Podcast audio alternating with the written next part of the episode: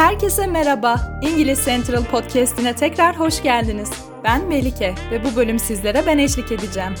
Bugün İngilizce'de sıklıkla karıştırılan a ve n artikellerini nasıl kullanmanız gerektiğini sizlere anlatacağız.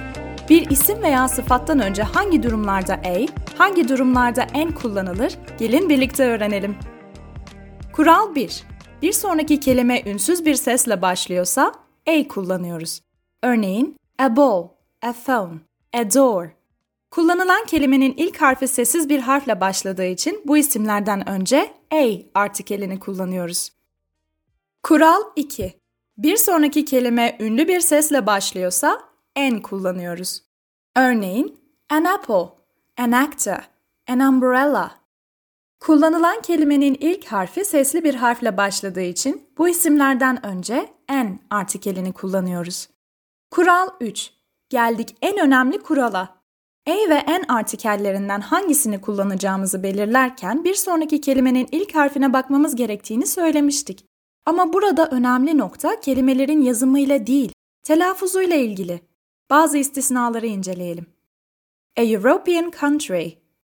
European kelimesi sesli bir harf olan E sesli harfiyle başlar. Ancak U sesiyle okunur. Bu yüzden N değil, A artikelini kullanmalıyız. A university student. University kelimesi sesli bir harf olan U harfiyle başlamasına rağmen U sesiyle okunur. Bu yüzden N değil, A artikelini kullanmalıyız. An hour. Hour kelimesi sessiz bir harf olan H ile başlar ancak A sesiyle okunur. Bu yüzden N artikeli kullanılır.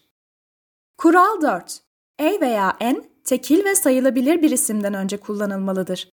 Çoğul veya sayılamayan bir kelimeyle asla A veya N kullanılmaz. Bugünlük bizden bu kadar.